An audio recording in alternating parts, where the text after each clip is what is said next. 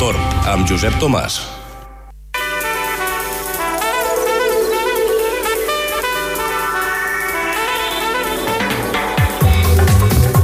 Comencem el programa amb Dani Capó, que ens explicarà, doncs, com sempre, les, els temes de meteorologia, de ciència i també de climatologia. Dani, molt bona tarda, gràcies per estar una vegada més aquí al programa.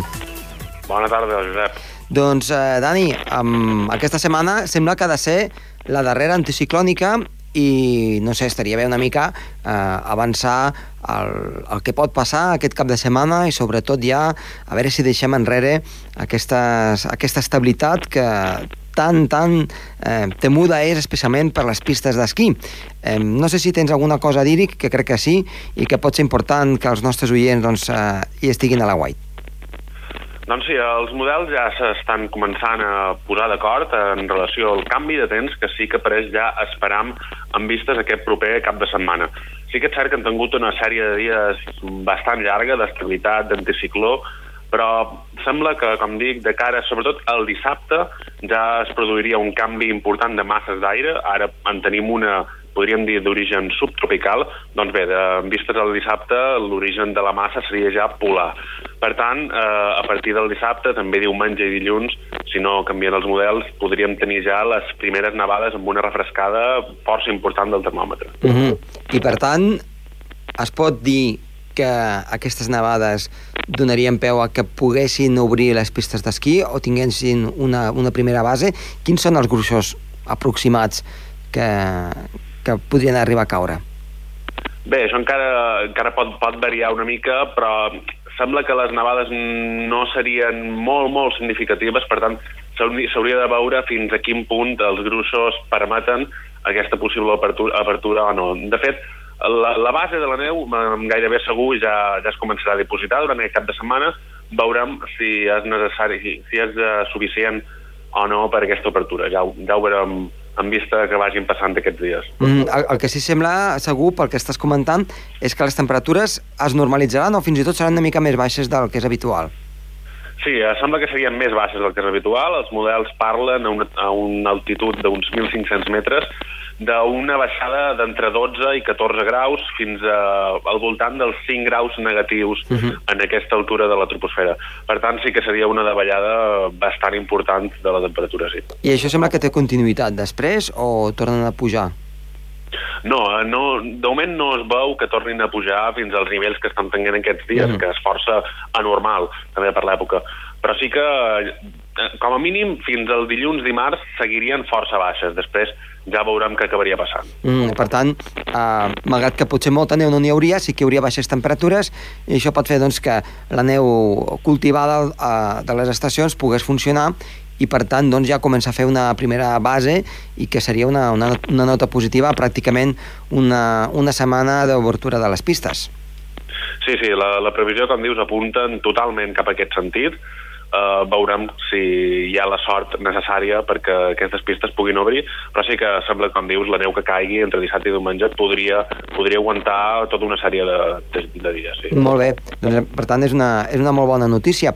I parlant d'aquest doncs, anticicló que hem tingut doncs, eh, fins ara, um, tu estàs fent un estudi, de fet doncs, ja has presentat un estudi sobre les illes de calor i ens agradaria que ens fessis una mica una, una pinzellada, ja que hem tingut uh, aquest anticicló, eh, no sé si això també eh, afecta a zones com Andorra, però suposo que, evidentment, Barcelona, Tolosa, eh, Palma, deu afectar aquesta illa de calor, encara que la ciutat sigui, sigui petita. Ens en pots fer 5 cèntims, sisplau? Sí, és un, és un factor bastant interessant que passa, passa sobretot a les grans ciutats, però també a les ciutats de menor entitat o, o pobles de certa, de certa entitat. I bé, es definiria certament com que en la ciutat o en, en l'entorn urbà es donen temperatures nocturnes sempre uh -huh. més elevades que en el territori que ens envolta, sobretot en aquell que està definit com a rural.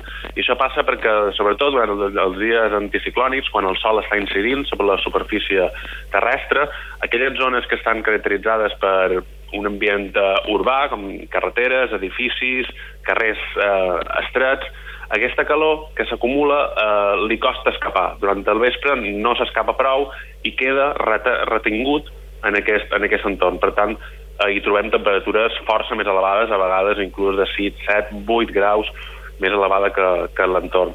Andorra jo crec que en, en certa mesura també també deu passar, deu passar no, en tant, no en tanta entitat, evidentment, com pot ser Barcelona, Tarragona, Palma, però sí que una mica sí que, sí que ho notarem, sobretot en aquestes nits eh, on l'aire és subsident i és, és, anticiclònic, sí. Mm -hmm. I uh, aquesta situació es dona només a l'hivern o també a l'estiu? Es dona a totes les èpoques de l'any. Uh, es dona amb una mica més d'intensitat a, l'hivern, com ja, com ja han estudiat diversos autors, però sí que durant l'estiu, la primavera, la tardor, també també en poden trobar. El fet més indispensable perquè passi és que el cel estigui eh, el més estirat possible i que no hi hagi hagut precipitacions durant les hores prèvies perquè si, si està ennuvolat, si està ennuvolat o el terra està mullat, doncs sí que es dificulta més aquesta absorció de calor per, per l'entorn urbà. Uh -huh. Um, quina, quina és la situació en el teu estudi que has fet? Uh, crec que és, és de la ciutat de Palma, eh, perquè tinguem una mica una idea no, del que pot passar en una ciutat d'un tamany mitjà, um, entre el centre i, i les afores. Quina pot ser el, el, la diferència de temperatures? La diferència de temperatura pot arribar als 8 graus. 8 graus? Pot arribar, pot arribar als 8 graus entre el centre d'una ciutat eh, bastant poblada i el seu entorn rural. El que ens diu l'illa de calor és la temperatura que hi hauria si no hi hagués un entorn urbà. És a dir, si tenim una mínima de 12 graus i una màxima de 19 o 20, uh -huh. significa que si no tinguéssim aquesta ciutat construïda per l'home, la temperatura seria 8 graus més baixa entorn a tot aquell entorn rural. Uh, per tant, és l'efecte d'aquest ciment, d'aquest asfalt, d'aquests carrers estrets, d'aquesta retenció de calor.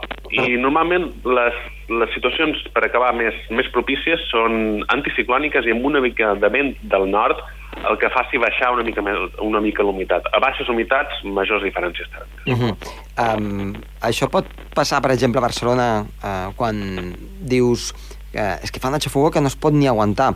I, en canvi, a les afores um, això s'aguanta una mica més. Aquesta també pot ser una de les causes?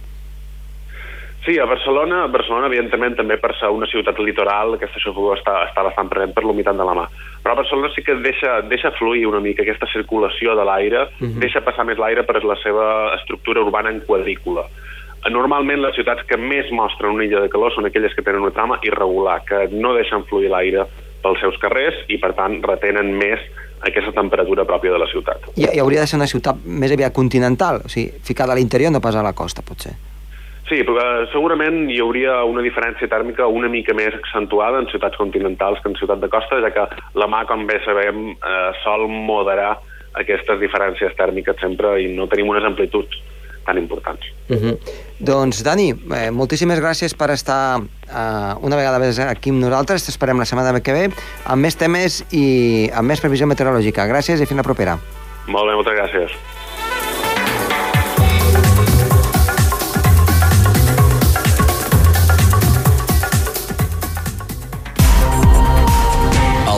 Amb Josep Tomàs.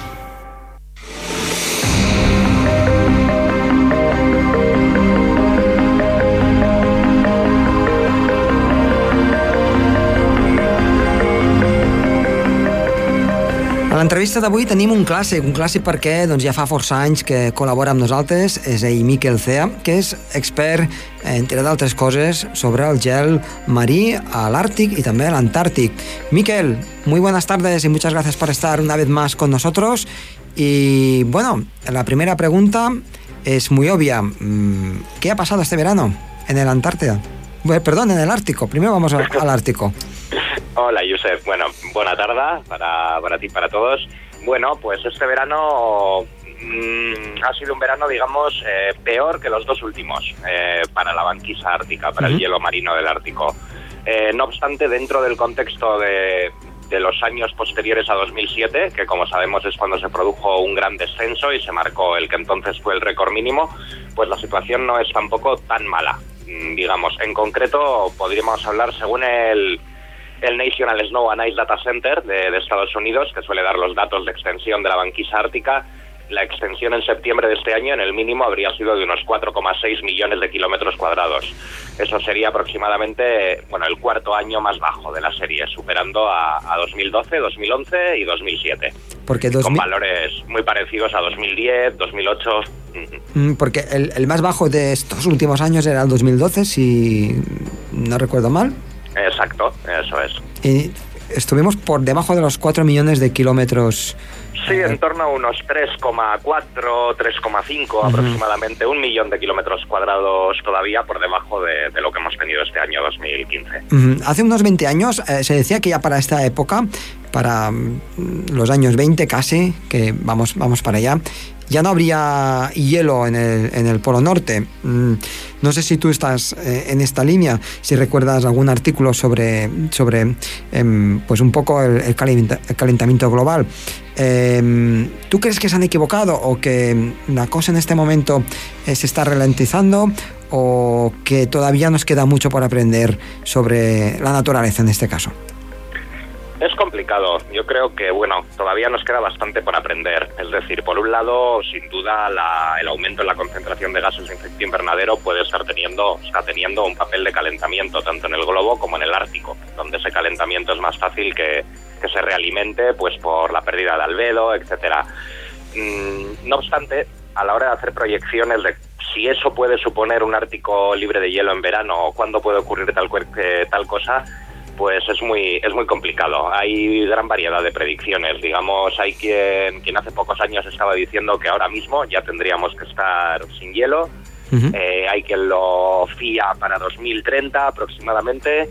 La línea de la media de los modelos del IPCC habla de mediados del siglo XXI y también hay modelos que lo ponen para finales del siglo XXI. En todo caso, al hacer estas proyecciones se ha tenido en cuenta un poco, digamos, la tendencia de pérdida de hielo de las dos últimas décadas, sobre todo. Eh, a la hora de proyectar esto en el futuro hay que tener en cuenta cuánta de, esa pérdida de las dos últimas décadas podríamos atribuir a, a, efectos antropogénicos y cuánto podría ser debido a causas naturales. En esta línea, por ejemplo, en el Ártico, eh, muchos factores climáticos, la temperatura, eh, la presión atmosférica, etcétera, durante la serie de, observaciones, durante todo el siglo XX, muestran una especie de oscilación multidecadal en la cual pues hubo, por ejemplo, un ciclo de calentamiento muy rápido entre 1920 y 1940 aproximadamente, seguido de unos 30 años de descenso y un calentamiento a partir de entonces otra vez. Si continúa hacia adelante esa oscilación multidecadal aparentemente natural, pues en las próximas décadas tocaría, en principio, una ralentización del descenso en la pérdida de hielo marino en el Ártico, lo cual pues puede lanzar hacia adelante un poco, alejar un poco esos pronósticos de, un Ártico sin, sin, banquisa en verano. Aunque en todo caso, desde luego, nos queda mucho por aprender. Yo creo que, eso es lo principal. Eh, recordemos a nuestros oyentes que Miquel tiene un blog que se llama el blog del hielo marino, que eh, pueden consultar y habla, pues mm, hace post mm, pues muy a menudo y pueden consultar un poco la, tendencia y pues la, el último el último dato sobre cómo se encuentra la banquisa ártica y también pues eh, sobre por qué no sobre, sobre la Antártida a veces también em, explicas alguna que otra cosa vamos a centrarnos un poco de momento en el, en el polo norte en el Ártico eh, para saber mm, has hablado que este verano pues ha habido un descenso que ha estado el cuarto más bajo de de la, serie, pero eh, vamos a afinar un poco más para saber en qué zonas pues nos han fallado respecto a otros años. Sí, este año sobre todo ha destacado la pérdida nuevamente en el sector pacífico, en la zona de, digamos, de Siberia Oriental, Alaska, en torno al estrecho de Bering, los mares de Siberia Oriental, Chukchi o, Beaufort. Eh, en esta zona el invierno, o sea, perdón, el verano ha tenido unas condiciones meteorológicas bastante desfavorables. Ya desde el principio, en mayo y junio sobre todo, tuvieron unas condiciones meteorológicas pues con temperaturas por encima de la media, un anticiclón persistente en esa zona, lo que aceleró, digamos, pues el inicio del deshielo superficial. Eh, una vez, dependiendo de cuánto de antes o de tarde se inicia el deshielo superficial, pues es muy importante de cara a cómo, a cómo se va a desarrollar el resto de la temporada de deshielo. Estas zonas pues fueron precondicionadas negativamente al inicio de la temporada de deshielo y en septiembre pues han terminado prácticamente libres de hielo, lo que ha empujado pues a la baja el, valor total. Eh, ¿La zona del, del, paso del noroeste se abrió o, quedó, quedó cerrada un año más? No, este año, a diferencia de los dos últimos años, sí se ha vuelto a abrir, se ha vuelto a abrir. La variante sur, bueno, la variante sur suele abrirse casi todos los años, la verdad, no, no solo ahora, sino también en décadas anteriores, pero la variante norte, que es un poco la, importante, la de mayor calado y, la más complicada de abrirse, llevaba dos años cerrada y este año en septiembre pues ha estado unas entre dos y tres semanas aproximadamente abierta.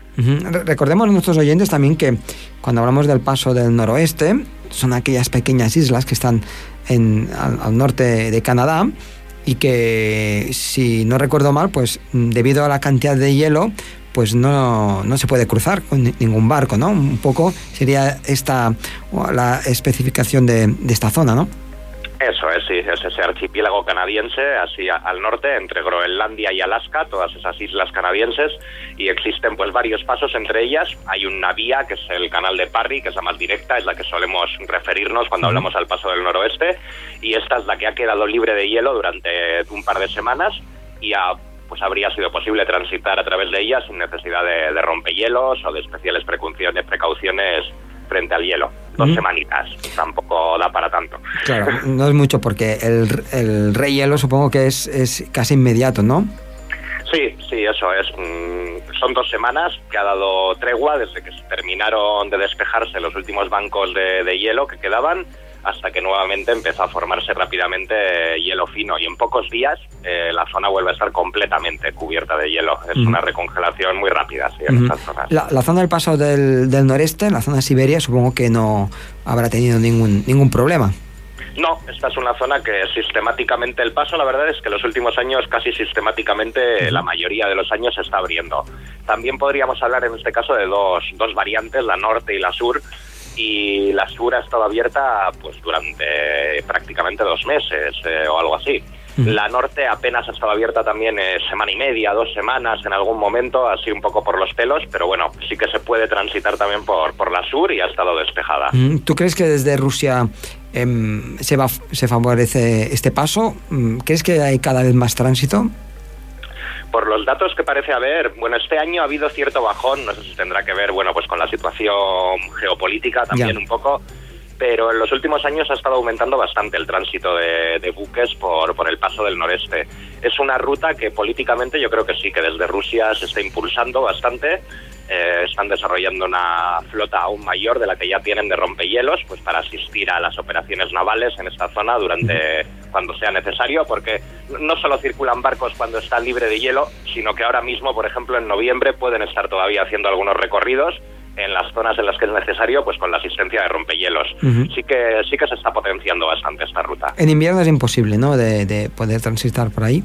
En pleno invierno ya es muy difícil. Los rompehielos nucleares más potentes sí que pueden transitar, pero pues bueno, son unas condiciones también que hay que ver si es rentable y merece la pena meterse por ahí. Otras zonas, eh, la zona Groenlandia, Islandia, mm, el, el, hielo en esta zona pues ha sido muy escaso también, ¿no? Eh, bueno, en la zona del mar de Groenlandia, la banquisa depende sobre todo de la exportación desde el océano Ártico.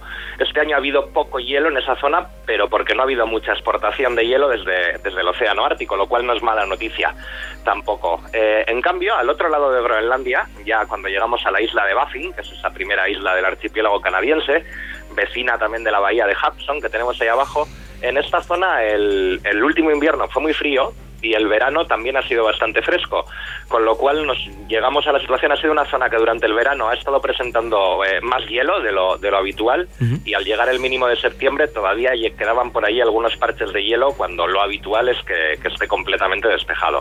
Entonces esta sería la zona que ha destacado un poquito eh, positivamente, la zona alrededor de la isla de Baffin, el oeste de Groenlandia y, el norte de la bahía de Hudson. Entramos ahora en, un terreno más... Mm, peligroso, por decirlo de alguna manera, que es hacer una proyección, hacer una, pequeña previsión para, este invierno. Ahora ha empezado pues otra vez la recongelación ¿no? de, ese, hielo marino. Em, ¿Cuál es la previsión que dan, que dan los modelos? Mm, es difícil, es complicado de, hacer predicciones para el invierno, sobre todo. De momento, en lo que llevamos de otoño, digamos, eh, la congelación ha avanzado bastante, bastante rápido, en la línea de los últimos años o, un poco mejor que, estos últimos años. de todas formas, la variación interanual de la extensión de la banquisa en invierno eh, es mucho menor que en verano. En verano hay muchas más diferencias entre unos años y otros, mientras que en invierno siempre tiende a, ajustarse bastante dentro de un rango más estrecho. Mm, yo creo que nos moveremos por ahí. El año pasado, dentro de ese rango estrecho, fue por poco. Este último invierno ha sido el que ha registrado una extensión más baja. Yo supongo que este próximo, pues probablemente sea algo más alta que el anterior. Bueno, pues a ver, a ver, a ver si, se acierta y, hay un poco más de, hielo marino y a ver cómo eso nos influye en, el clima que hemos de tener durante, durante, este invierno en, las zonas de Europa. Em, hablamos un poco de la Antártida. Mm, ¿Qué ha sucedido en su, en su invierno, digamos, que es nuestro verano? Bien, pues en la Antártida los últimos, si atendemos a lo que es la banquisa, también el hielo marino que, se forma en el océano Antártico rodeando el continente, eh, en los últimos inviernos habíamos estado viendo cómo año a año se iban marcando cada vez récords máximos de extensión.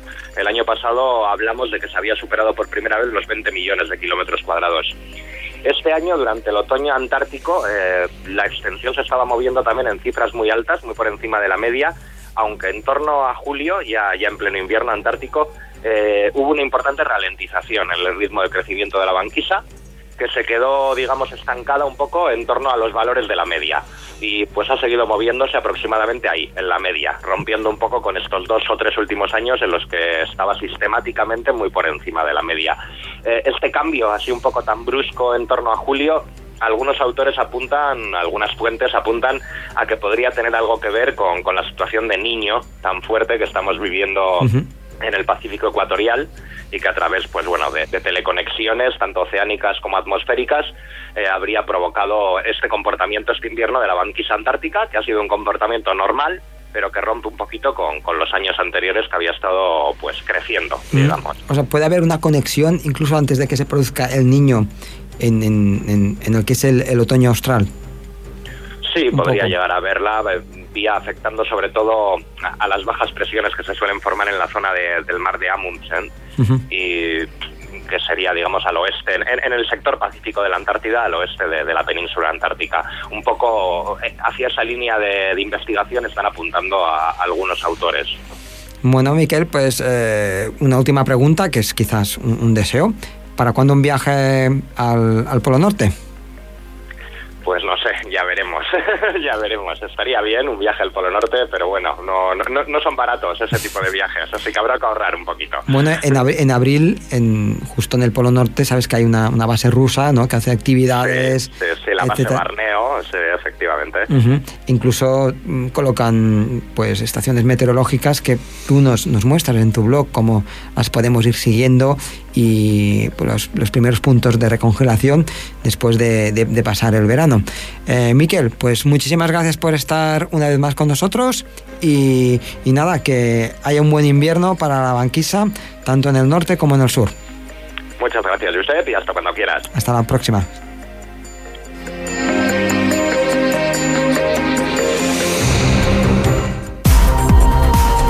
Autor, amb Josep Tomàs.